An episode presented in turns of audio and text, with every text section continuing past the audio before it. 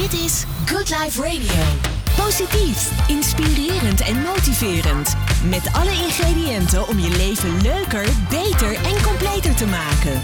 Wonen, gezondheid, vrije tijd, fitness, muziek, entertainment en nog veel meer. Dit is Good Life Radio. Geniet van je leven. Good Life Radio. Let's talk about sex. Met Patricia van Liemt. Good Life Radio, de nieuwe lifestyle radiozender van Nederland. Waanzinnig leuk om hier te zijn en dit programma voor jou te mogen maken. Ja, en dit is de allereerste Let's Talk About Sex. Nou, de titel verklapt het al een klein beetje. Het is een programma over seks en gender.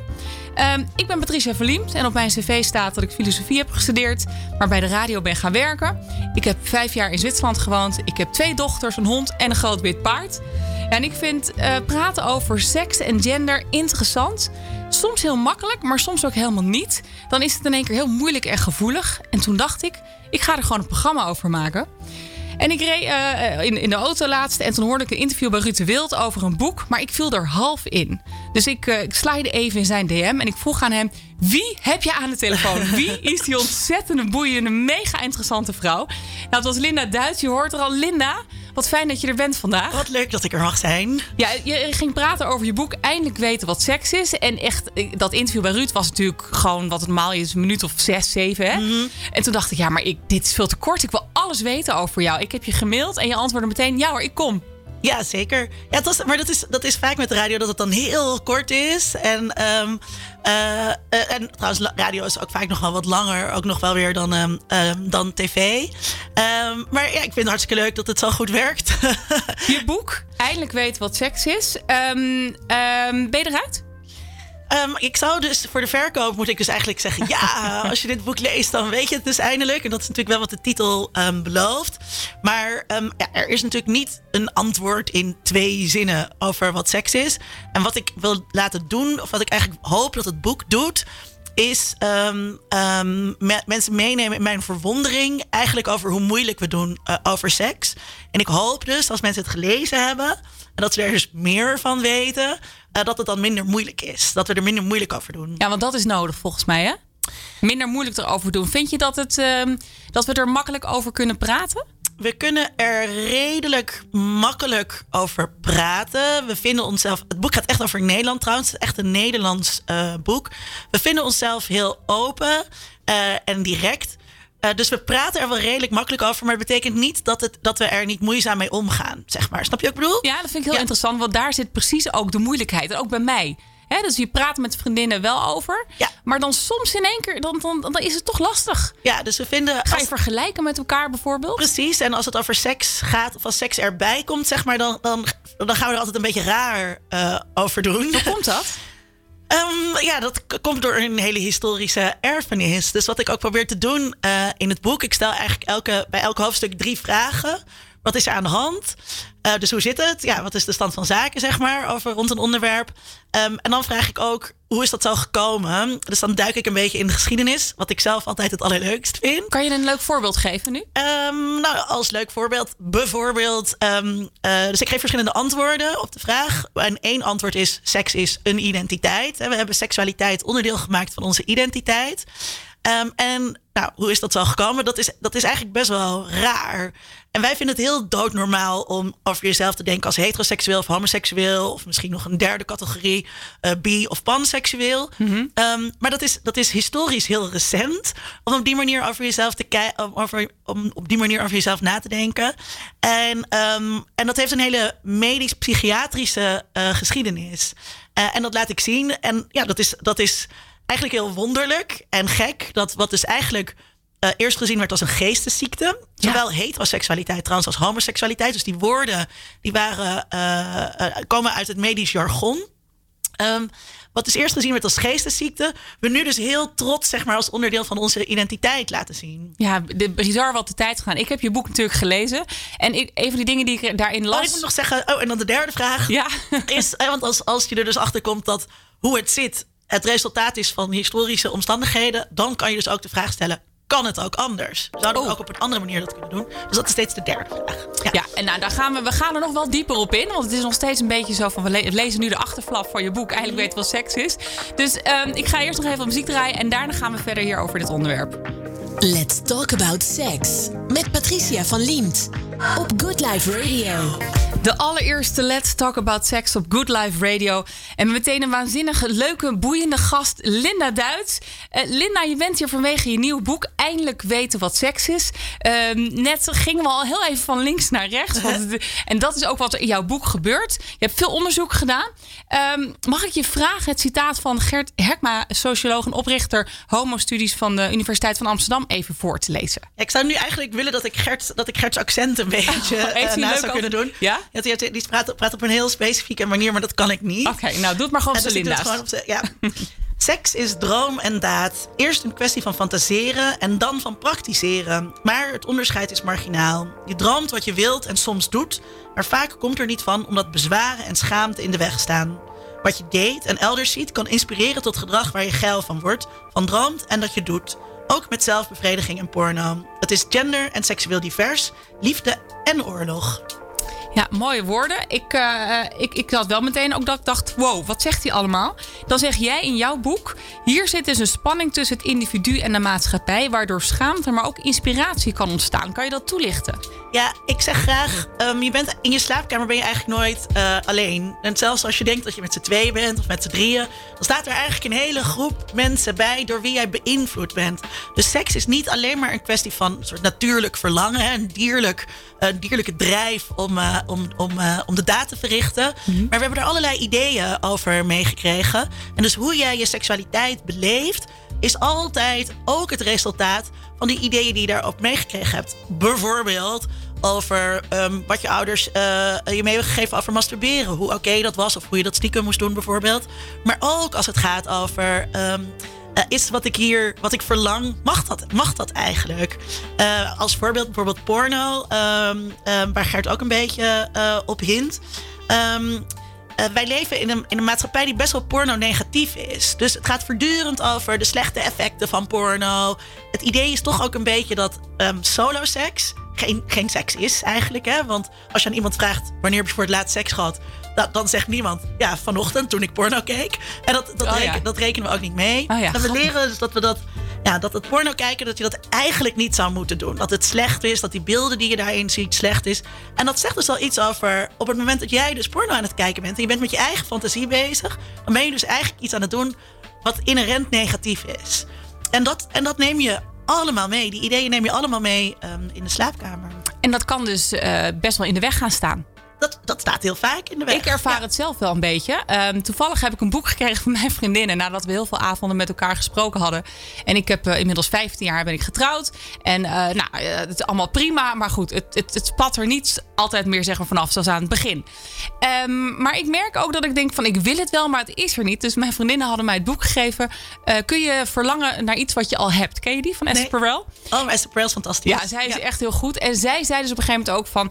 ja, maar je neemt dus mee je opvoeding. Dus bijvoorbeeld als je ouders vroeger nooit over seks hebben gesproken... dan was het altijd geheim en stiekem... of dus iets wat je niet mocht doen of Ja. wat niet gangbaar was. Ja. En mijn ouders, ja, met alle respect... ehm, die hebben dat niet gedaan. Ja. En, en seksuele op, eh, zeg maar, eh, voorlichting op school kan ik me ook niet meer herinneren. We hadden een kikker een keer met biologie. En daar hield het dan bij op. En verder was het zelf maar ontdekken. Maar het was altijd in de, in de stiekeme hoek. Ja, Maar eh, dus ik neem aan dat er meer mensen zijn opgevoed zoals ik. Maar die wel vrijer zijn met seks. Hoe kan het dat, dat die dan toch een weg daarin hebben gevonden om wel dat te accepteren? Nou, opvoeding heeft er dus heel erg ehm, mee te maken. Ehm, maar ook wat ik dus zelf merk. Ik schrijf al een tijdje columns eh, over seks. En ik heb ook veel les gegeven eh, bij eh, de gender- en seksualiteitsstudies. Ehm, dus ik ben er al, al een hele tijd zelf mee bezig. En ik verzamel ook mensen om me heen die er ook mee bezig zijn op de een of andere manier. En, dan, en dan word je dus vanzelf vrijer. Want dan wordt het, ja, of vrijer. ehm, eh, ja, voor mij is het gewoon werk. Weet je wel? Dus Je wordt ervoor betaald, maar dan je wordt- anders. je wordt ervoor betaald en, je, en, en, dan, en dan wordt het dus een onderwerp net als alle andere eh, onderwerpen. Dus Ehm, Dus eigenlijk ben ik goed bezig. Want ik ben dus ook die podcast begonnen. Nu dit radioprogramma. Let's Talk About Sex. Misschien wel om het dichterbij te halen. Onderbewust. Al zal ik nooit zeggen dat we, er, dat we er maar meer over moeten praten. Zeg maar. Dat als je er meer over praat, dat je dan bevrijd raakt eh, eh, eh, qua seksualiteit. Nee, toch niet? Nee, want we praten er al eindeloos over. Oh. Dus ehm, het gaat ook over de manier waarop we er bijvoorbeeld over praten. Dus, Wat is een goede manier? Ehm, eh, nou ja, ik hou dus heel erg van, van dingen uitpluizen. Dus eh, zeg maar ontrafelen hoe dingen in elkaar zitten. En wij, wij zitten in een mediawereld waarin we heel erg aangemoedigd worden om te biechten. Te biechten eigenlijk over alles, maar ook te biechten eh, over seks. Dus een mooi voorbeeld is eh, die documentaire van Lise Kurpershoek, die we vorig jaar geloof ik hadden. En zij biecht dan op hè, hoe het met haar seksualiteit zit. En iedereen zegt, oh wat dapper en wat goed. Terwijl Ehm, dat doen we dus voortdurend. We worden de hele tijd aangemoedigd om over ons eigen seksleven te praten. Eh, met het idee dat we dan vrijer worden. Terwijl wat ik met mijn boek meer wil doen, is eh, kijken naar die verschillende betekenissen van seks in verschillende eh, domeinen. Dus op een, een beetje meta-niveau. of dus meer gaan ontrafelen, uit gaan pluizen, ontleden, zou je kunnen zeggen. Ehm, om het minder. ehm, ehm, eh, eh, hoe zeg je dat? Eh, minder zwaar te maken. Terwijl En dan kan je, als zeg je maar, Jip en Janneke taal, als je nu aan het luisteren bent. eh, wat is dan de eerste stap daartoe? Ehm, nou, is bijvoorbeeld eens gaan kijken hoe zit die voorlichting nou eigenlijk in elkaar op Op school? ja. wat, Ja. Heb ik, wat heb ik daar nou eigenlijk ehm, geleerd? En hoe strijkt dat met eh, andere boodschappen over seks die ik op school heb meegekregen? Ehm, eh, dus één hoofdstuk gaat voor een groot deel over voorlichting. En ja, Nederlandse voorlichting zit echt heel goed in elkaar. Weet je, het is echt wetenschappelijk hartstikke keurig. Keur- ja, maar keurig is keurig ook goed? nou ja, zeker. Want het is dus allemaal heel open. En er is heel veel aandacht voor seksuele diversiteit. Als jouw school die lespakketten gebruikt die daarvoor aanbevolen worden. Dat gebeurt ook niet altijd. Maar daarin krijg je bepaalde ideeën over seks. Maar dat is in een les. En vervolgens, weet je, is het weer pauze. Heb je weer aardrijkskunde? Eh, ja, maar, eh, dan hang je weer met je klasgenoten over elkaar heen. Dan wordt er weer iemand in, in de gang uitgescholden voor homo. En dus er zijn allerlei tegenstrijdige boodschappen die je op zo'n school meekrijgt over seks. Dan- Vandaag de dag nog steeds Vandaag dus. de dag nog steeds. En dan moet je zelf maar je weg eh, in weten te vinden. Mhm. Ehm, dus in, praat, in plaats van dat we nu allemaal in de media gaan opbiechten wat voor porno eh, we kijken, zou ik eerst zou, zou ik het ook graag willen hebben over: oké, hoe hebben we dan die schoollessen beleefd, zeg maar. Dus een stapje terug doen. Dus niet alleen maar welke porno kijken we, maar eigenlijk ook waarom hebben we zo'n porno-negatief beeld? Komt dat misschien voort uit dingen die we op school hebben geleerd over Ja, ja. porno? Ja, ja. Oh, interessant, Linda. ik wist dat ik een hele boeiende eerste gast had. We gaan zo meteen verder praten over dit onderwerp. Mocht je net inschakelen, wees welkom. We zitten midden in de eerste Let's Talk About Sex met Linda Duits. Ze schreef het boek Eindelijk weten wat seks is. En ehm, Linda, we hadden het net wel even over eh, porno, pornografie en eh, hoe we erover denken. Even wat voorleggen aan je. Ik heb een vriendin en ehm, zij vertelde mij dat haar vriend is nu bestempeld. Staat op de lijst van pornoverslaving. Oh. Eh, hoe sta jij daar tegenover? Is dat, is dat goed of is dat slecht? Moeten we daar een goed of slecht aan koppelen? Ik, pornoverslaving is een heel interessant eh, fenomeen. Sowieso als het gaat over verslaving aan media, dat is iets wat we heel makkelijk zeggen. Hè? Van oh, ik ben verslaafd aan het spelletje of zo. Terwijl ehm, binnen, de, de, binnen de wetenschap, binnen het onderzoek, ehm, lukt het eigenlijk niet, lukt het onderzoekers niet om dat soort verslaving erkend te krijgen in het officiële boek van eh, de, de psychiatrische stoornissen, de DSM. Ehm, dus dat is, dat is een beetje tricky. Bestaat het nou echt of niet? En wat ik bijvoorbeeld interessant vind, is dat eh, christelijke mannen veel eerder zeggen dat ze porno verslaafd zijn dan niet-christelijke mannen. Oh ja. Dus het gaat niet over de hoeveelheid porno die je daadwerkelijk consumeert, maar hoe kijk je naar je eigen pornogedrag. Hm. En bij die christelijke mannen, jij zegt, oh ja, oh ja wat er natuurlijk gebeurt is op Zij voelen moment zich schuldig natuurlijk. Precies, ja. En het is veel makkelijker om eh, te zeggen... Ja, het is iets van buiten mij, hè, het is een verslaving... ik kan er eigenlijk niks aan doen... dan te gaan kijken naar... oké, wat, wat zegt dit nou over mijn verhouding met porno? Eh, het lijkt me heel vervelend voor die vriendin van jou... want dat betekent dus dat hij zijn eigen pornogebruik problematisch vindt... in zijn, in zijn leven of in zijn relatie eh, met zijn vriendin. Eh, ja, dat is, dat is heel vervelend. En je hebt dan ook nog een stapje verder kan je zijn met seksverslaving. Ja. Nu las ik laatst ook een verhaal van iemand en die kwam erachter dat haar man dus alleen maar met ja, betaalde seks deed, maar wel 200 plus per jaar. Piloot, dus vaak op locatie. Ja. Ehm, is er voor een behandeling geweest, drie weken. Eh, maar hij mocht dan bijvoorbeeld wel porno kijken tijdens de zeg maar rehab. Maar toen ik het tegen mijn eigen man bijvoorbeeld zei, van hij heeft een seksslaap, die lachte er een beetje om. Van ja, dat is een beetje bedekt onder een mantel der liefde, maar dan andersom. Weet Ja. je, snap je wat ik bedoel? Ja, ja, ja.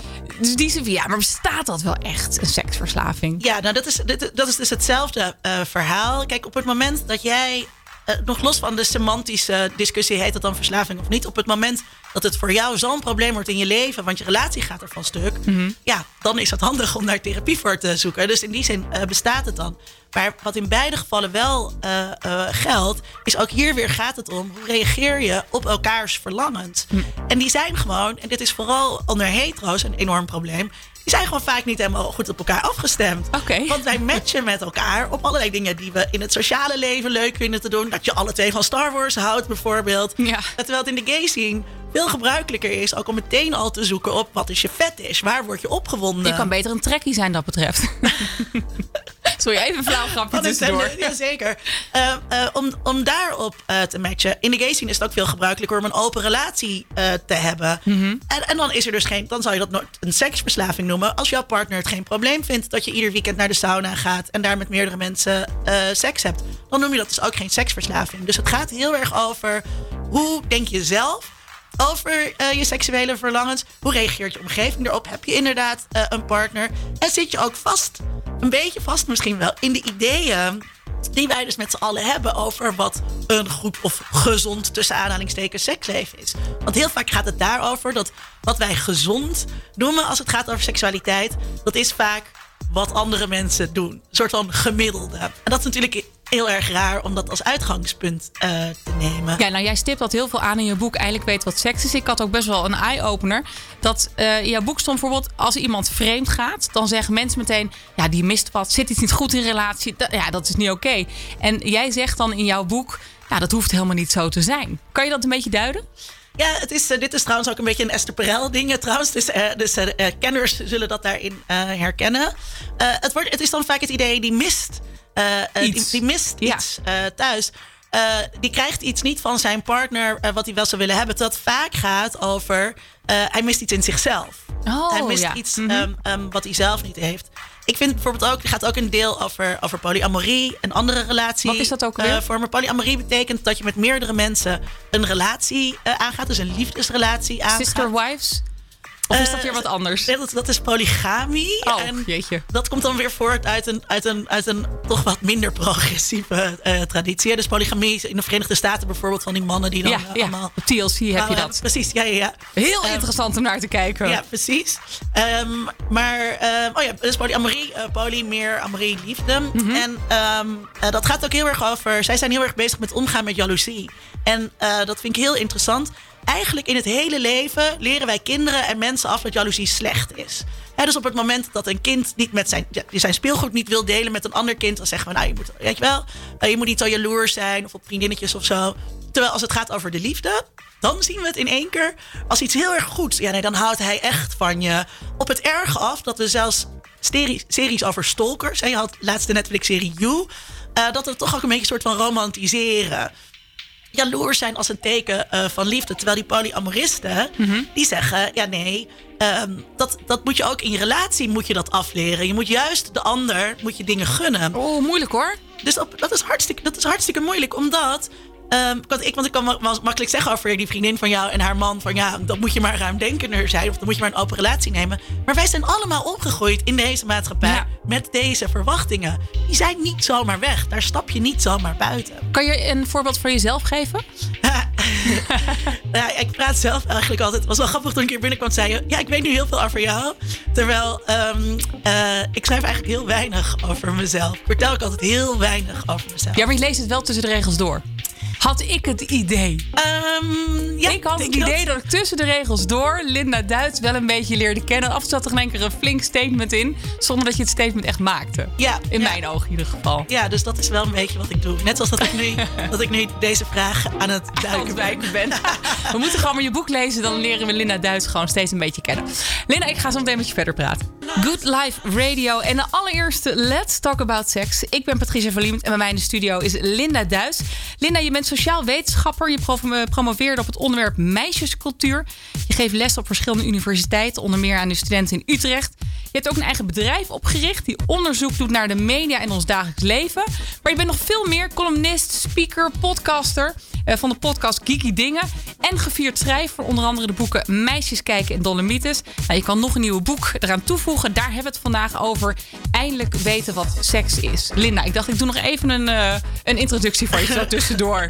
Hartstikke goed. Dan weten mensen iets meer over je. Want je zei net, ik zeg niet zoveel over mezelf, maar dan zeg ik het wel. Oké? Ja, ja nee, dat is hartstikke goed. Ja, maar ik word altijd ook een soort van vals bescheiden. Van, Ja, dat, maar dat, ja, nou ja, dat misschien is het volgende boek. Ja, kan je daarover gaan Oh schrijven. ja, ja. Ehm, Linda, we zitten midden in een eh, pandemie, eh, de coronacrisis. Heeft dat nog iets, of doet dat iets met ons zelfbeeld over liefde? Of dat moet iets met ons doen? Absoluut, ja. Dus ehm, eh, sowieso is, is de coronacrisis voor sociaal wetenschappers een hele interessante tijd. Ja, dat zal wel. Ehm, eh, met, met lockdowns en hoe we daarmee omgaan. En eh, zeker ook hoe we met seks omgaan. Dus voor heel veel singles of mensen die in een open relatie zitten en dus ook nog wel eens wat buiten de deur doen. ehm, ja, mogen, mochten in één keer allerlei dingen niet meer. Dat was natuurlijk heel heftig. eh, tijdens de eerste lockdown, toen het advies van het RIVM ook heel duidelijk was: je mag alleen maar seks hebben met de partner waarmee je een huishouden deelt. ja, wat, hoe stond jij daarin? Eh, nou, zal ik dat toch hoorde. iets over mezelf vertellen? Ja. Eh, want ik ben single. En eh, aan het begin dacht ik ook... Oké, weet je wel, nu, er was ook een campagne, nu even niet. Hè? We, we schaffen das, weet je wel. We onthouden ons even van seks, zodat omaatjes blijven leven. Maar dat is natuurlijk iets wat je een paar weken kunt doen. Maar dat is geen positie die, langer, die houdbaar is op de, op de lange termijn. Ik heb toen een opiniestuk geschreven voor het Parool... ehm, waarin ik eigenlijk pleitte voor... Please, RIVM, geef ons regels of, of, of zeg maar praktische handvaten hoe we toch binnen ja, het idee dat mensen behoefte hebben aan seks en intimiteit, hoe mensen dan toch op een veilige manier eh, seks kunnen hebben. En dat werkte heel goed, want na een week werd het advies bijgesteld. Dat was echt naar aanleiding van jouw column. Nee, dat, was, dat zou ik graag denken, maar dat was natuurlijk niet zo. Dus er was ook een lobby achter de schermen van Sauer AIDS Nederland die daarvoor voor gezorgd eh, hebben. Maar het was toch even leuk, zeg maar, dat dat zo gebeurde. Ehm, toen kwam het advies van het RIVM, je mag een seksbuddy hebben. Wat wel interessant was, dat werd een paar dagen later ingetrokken of het werd wat afgezwakt in de terminologie. En dan zie je ook weer, het, dat, dat is namelijk de hele wereld over gegaan. In Nederland, sex buddies, bla bla bla bla. Dan zijn we dus een heel progressief land. Ja. Terwijl het is eigenlijk meteen is ingetrokken. Ja, dat stond dan niet in The Guardian. En dan zie je dus ook weer die typische Nederlandse houding. Aan de ene kant willen we dus heel progressief zijn, maar aan de andere kant vinden we het toch een beetje moeilijk. Ehm, eh, het is dus voor mensen lastig. En dat gaat niet alleen maar over seks, maar dat gaat ook over intimiteit. Ehm, ik sprak laatst weer iemand die dus echt niemand eh, aanraakt. Toen hij weer naar de kapper kon, toen eh, was hij echt bang dat hij een soort emotionele uitbraak zou krijgen, Oh. omdat hij weer- aangeraakt Oh. eh, werd. Ja. Ehm, en die heeft het daar ontzettend eh, moeilijk mee. Kijk, en het is natuurlijk niet zo. Toen ik dat stuk schreef over die corona sex buddies, toen kreeg ik ook reacties van mensen van ja, hallo, eh, jij hebt ook makkelijk praten. Niet iedereen kan zomaar eh, aan een seksbuddy komen. Dat is natuurlijk ook wel weer waar. Ehm, dus niet iedereen heeft zomaar toegang tot casual seks. Eh, dat heeft met heel veel dingen te maken. Ook, eh, je moet er ook maar net zin in hebben om, om te gaan swipen op zo'n op zo'n dating app. Hoe je eruit ziet speelt natuurlijk ook een rol. Maar voor iedereen, voor iedereen is het zo ehm, dat mensen behoefte hebben aan aanraking. Die kan ook niet seksueel zijn, maar iedereen heeft dat. En het betekent ook nu tijdens corona dat dat niet gaat. Dat, ehm, dat, een, dat heeft een effect. En we weten gewoon nog niet wat dat is, want we hebben nooit eerder zo'n situatie meegemaakt. Dus op het moment dat jij een beetje down voelt, een beetje depri, Sowieso is corona wat, wat dat betreft vermoeiend. Maar het kan dus ook zijn dat je dat mist. Want we weten wel uit onderzoek, wat we al eerder hebben gedaan, dat aangeraakt worden heel goed helpt tegen stress, tegen allerlei ziekten. Tegen alles volgens mij. Ja, sowieso ook klaarkomen is echt overal goed voor. Dat is zo goed voor je gezondheid. Ja, Ehm, Daar gaan we het zo meteen nog even over hebben. Ehm, dus dat zijn, dat zijn dingen die heel belangrijk zijn en die nu wegvallen. En wat ik ook vind, waar de overheid ook heel weinig aandacht nog steeds eh, voor heeft. Voor de status eh, van singles die dus heel lang alleen steeds maar in een huis zitten en al die dingen missen. Ehm, ja, het is afwachten wat voor gevolgen dat heeft op de lange termijn. Maar het kan nooit goed zijn voor de volksgezondheid. Maar hoe ben jij er persoonlijk mee omgegaan dan? Eh, nou, ik had dus dat, st- dat stuk geschreven. En, eh, en ik heb toen ook wel een, een corona-sex buddy gezocht. Ja. Maar en dan via Tinder? En nou, ehm, kijk, het advies was ook, hè, eh, ehm, eh, zoek iemand die je vertrouwt. En, want het is wel belangrijk dat je afspraken maakt binnen dat kader van het veilig doen. ehm, over hoeveel mensen je precies aanraakt en zo. En eh, dus misschien is het dan niet heel handig om een nieuw iemand te vinden omdat je die misschien, ja, die ken je nog niet. Dus Nee. je weet niet eh, wat daar allemaal mee is. Eh, dus ik had geput uit. Dus eh, iedereen uit- zat weer bij zijn ex. ik, had, ik had geput uit mijn, eh, uit mijn geschiedenis. Ja. Oh ja, echt? ja. Nou ja, waarom niet? Ik bedoel, ja, ik ben getrouwd, dus ik weet het niet. Trouwens, dat, dat kan ook onzin zijn wat ik nu zeg. Maar ehm, Ik hoorde ook een leuk verhaal van, eh, van iemand die dus eh huisgenoten heeft, waar die eigenlijk nooit eerder eh, seksueel interesse in had. Oh, maar ja. toen toch tijdens corona, toen ze allemaal bij elkaar zaten, eh, eh, dat is heeft geprobeerd. Eh, en dat vond ik ook een heel leuk verhaal. ja, dat je iemand gewoon met andere ogen bekijkt. Dat je iemand met andere ogen oh, bekijkt, ja. Maar ja, misschien zou ik met jou wel kunnen. Ja, en, dat, en dat, wat ik hier dan extra leuk aan vond, was dat hij ook ehm, eh, eh, daardoor ging experimenteren met iemand van hetzelfde geslacht wat hij nog nooit eerder had gedaan. Oh, dat, oh, dat heeft de corona ook Ja, bewerkstelligd. ja. Dus- Dus, verruim je blik. Oh, verruim je blik. Nou, dat zijn altijd mooie woorden hier bij Let's Talk About Sex. Linda, superleuk. Ik ga zo meteen met je verder praten. Let's talk about sex. Met Patricia van Liemt. Good Life Radio. Let's Talk About Sex, een nieuw programma op een nieuwe zender Good Life Radio. Ik ben Patricia, zij is Linda. Zij heeft het boek geschreven Eindelijk weten wat seks is. Een eh, revolutionair boek dat laat zien dat seks nog veel meer is dan wij denken. Ja, en een van de dingen die ik heb geleerd uit je boek is dat seks behoorlijk subjectief is. En eh, in het begin van je boek begint het meteen interessant. Ik bedoel, we weten het allemaal. We moeten even terug naar 1998 en dan eh, horen we deze woorden. But I want to say one thing to the American people. I want you to listen to me. I'm going to say this again. I did not have sexual relations with that woman, Miss Lewinsky. I never told anybody to lie, not a single time, never. These allegations are false, and I need to go back to work for the American people. Thank you. Ja, ik, eh, ik, ik, ik hoor dit en ik kreeg eigenlijk gewoon weer kippenvel. Eh, jij noemt dat heel mooi morele acrobatiek. Ja, ja of uh, behendig betsen. Eh, behendig, sorry, behendig batsen. Batsen, ja, ja. Behendig batsen noem ik het ook wel eens. Ehm, mensen hebben verschillende definities van wat telt als seks. En dat, Ja. dat kan je met onderzoek vrij makkelijk doen. En je doet een lijstje handelingen en dan vraag je, tel je dit als seks? Ehm, en eh, dat gebeurt ook veel. Dat wordt ook redelijk veel onderzocht. Ehm, een van de grappige dingen uit dat onderzoek, uit zulk onderzoek, vind ik dus, als je aan mensen vraagt, als jouw partner vreemd gaat, telt dit dan als seks? Nou ja, dan telt orale seks bijvoorbeeld Wel als seks. wel als seks. Als je zelf vreemd gaat, zoals Bill Clinton, Mhm. telt, het, telt het dan als seks, die orale seks? En dan zeggen mensen, nee hoor, nee, dat is nee. heel erg anders. Ja. Ehm, het, het gebeurt ook met ehm, vrouwen doen het veel eh, om eh, het aantal sekspartners laag te houden. Op het moment dat je vingeren en orale seks niet meetelt, ja, dan heb je misschien, Oh. heb je misschien maar met zes mensen seks gehad. In plaats van twintig. In plaats van met 20. Ja. eh, hetzelfde geldt ook ehm, eh, voor de eerste keer. De eerste keer zien we al, bijna, eigenlijk bijna altijd als eh, penis- en vagina seks of een andere vorm van penetratie seks. Wat natuurlijk heel raar is, want dat zou betekenen dat heel veel lesbo's Nooit seks hebben nooit gehad. seks hebben. Nee. Ehm, maar ook dat, schui- dat, ja, dat, dat, dat schuiven we ook uit. Ehm, zodat je er ja, eh, zedelijker eigenlijk uitkomt ehm, eh, dan dat je daadwerkelijk bent. Ja, want ik las dus ook in jouw boek dat er dan eh, in die periode, hè, ten tijde van Bill Clinton, dit hele onderzoek 1998, werd er in één keer een onderzoek op tafel, zeg maar uit de stof eh, gehaald, Ja. waarin dus eh, 600 studenten meededen en waaruit bleek dat het merendeel inderdaad dus orale seks geen seks vond. En dat was natuurlijk in favor voor de voormalige president van Amerika. Ehm, heb jij de boek gelezen De meeste mensen deugen? Eh, grappig, ik was net op de weg hier naartoe een podcast aan het luisteren waar het exact daarover ging. Oh. Eh, ik heb het ooit cadeau gekregen van iemand, eh, maar ik vind Rutger Bregman helemaal niet leuk, dat heb ik het aan mijn studenten gegeven. Oh, je vindt hem niet leuk?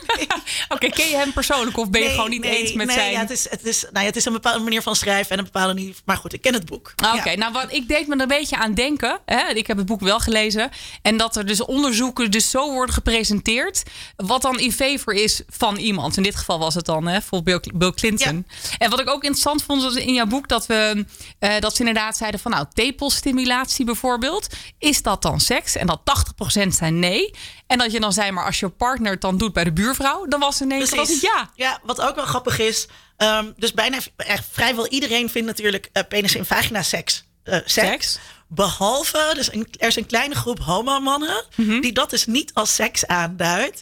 En eh, dat onderzoek zegt verder niet waarom. Maar ik bedacht me dus, ja, ik kan me goed voorstellen dat als je dus in je jeugd wel eens geëxperimenteerd hebt met een vrouw, als je man bent, Ja. eh, en later dus heel overtuigd homo bent, dat je zegt, ja, dat telde eigenlijk niet mee. Ja, ja, Weet ja, je wel? ja, ja. dat, was, dat, was, dat was iets wat ik vroeger deed. Ja, dat heet dan toch ook een eh, gold star? Ja, een, Toch? Een homo is iemand eh, die, die nooit seks heeft gehad met, Met een eh, vrouw. Met een vrouw.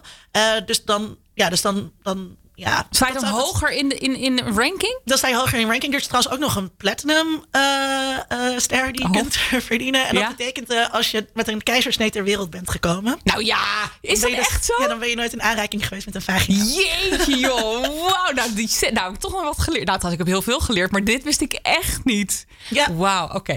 Linda, ehm, we zijn aan het, ui- bijna aan het einde gekomen van eh, deze eerste uitzending. Ik, ik heb eigenlijk nog heel veel een beetje te bespreken. En ik ga gewoon een onwijs bold question aan je stellen.